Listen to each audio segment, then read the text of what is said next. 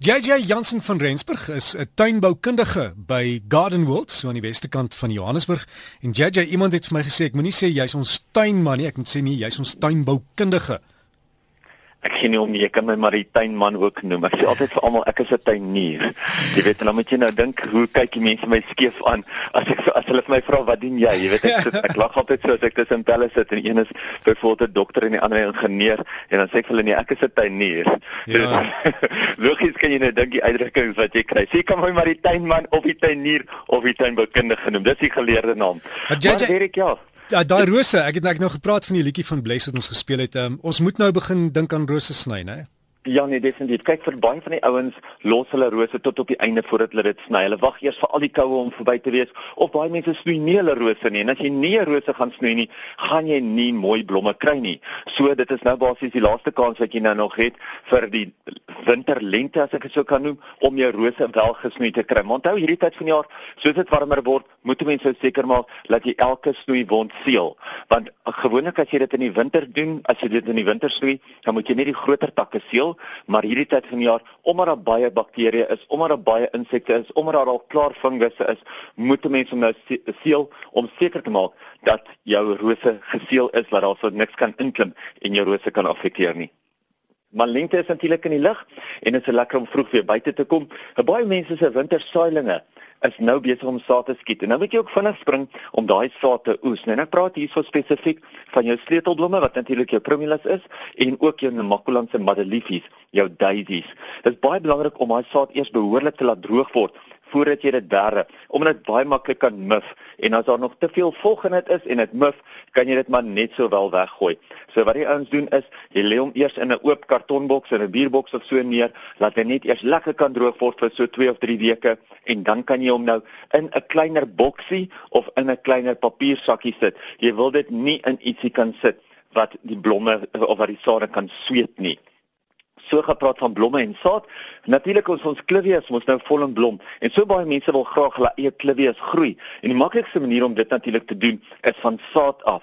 Om soveel moontlik saad te kry, moet 'n mens ook nou die blommetjie bestuif. En hierso gaan ons nou weer terugdink aan ons laerskool biologie. Dis hier wat jy nou die die stampertjie kan vat of die styfmeel kan vat van die een blommetjie en hom op die stampertjie van die ander blommetjie net kan smeer. En dit is ook hoe 'n mens kruisbestuiving kan doen met jou klivie. So as jy byvoorbeeld nou 'n geel klivie in jou tuin het en jy het 'n oranje klivie in jou tuin en jy vat jou geel klivie as 'n styfmeel en jy sit dit op jou oranje klivie as 'n stampertjie, gaan jy dalk volgende jaar 'n tweekleurige klivie kry. So dit klink natuurlik lekker maklik. Onthou, dis eintlik die maklikste manier om jou klivie te groei en natuurlik gaan jy ook dan 'n vermenging van daai twee plante hê.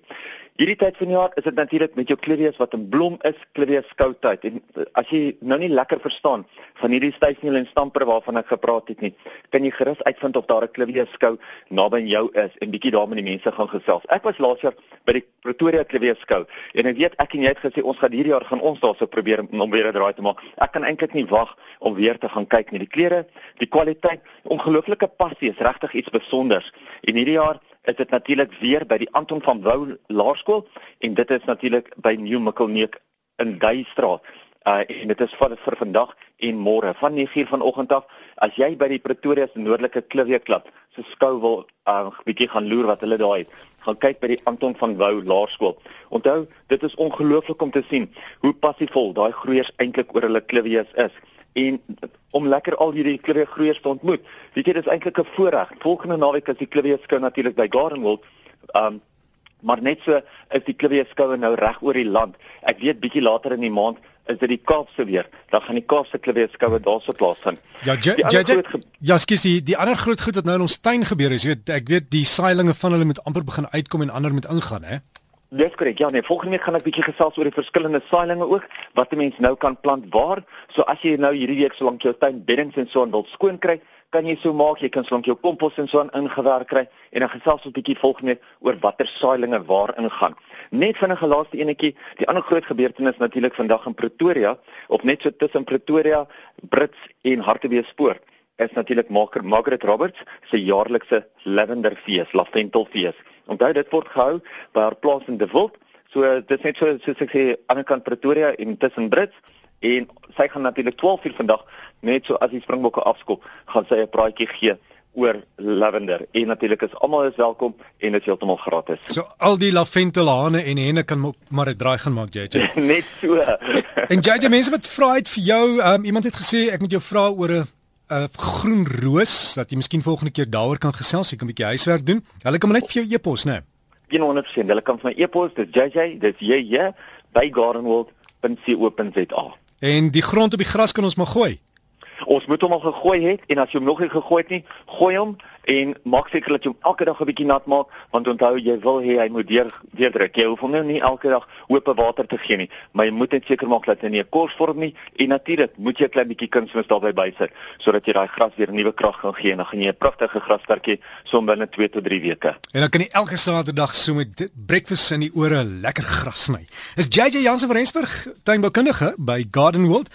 Jy vir my e-pos, dis JJ by gardenworld.co.za stuur dit vir hom en jy kan ook by gardenworld.co.za al die inligting kry.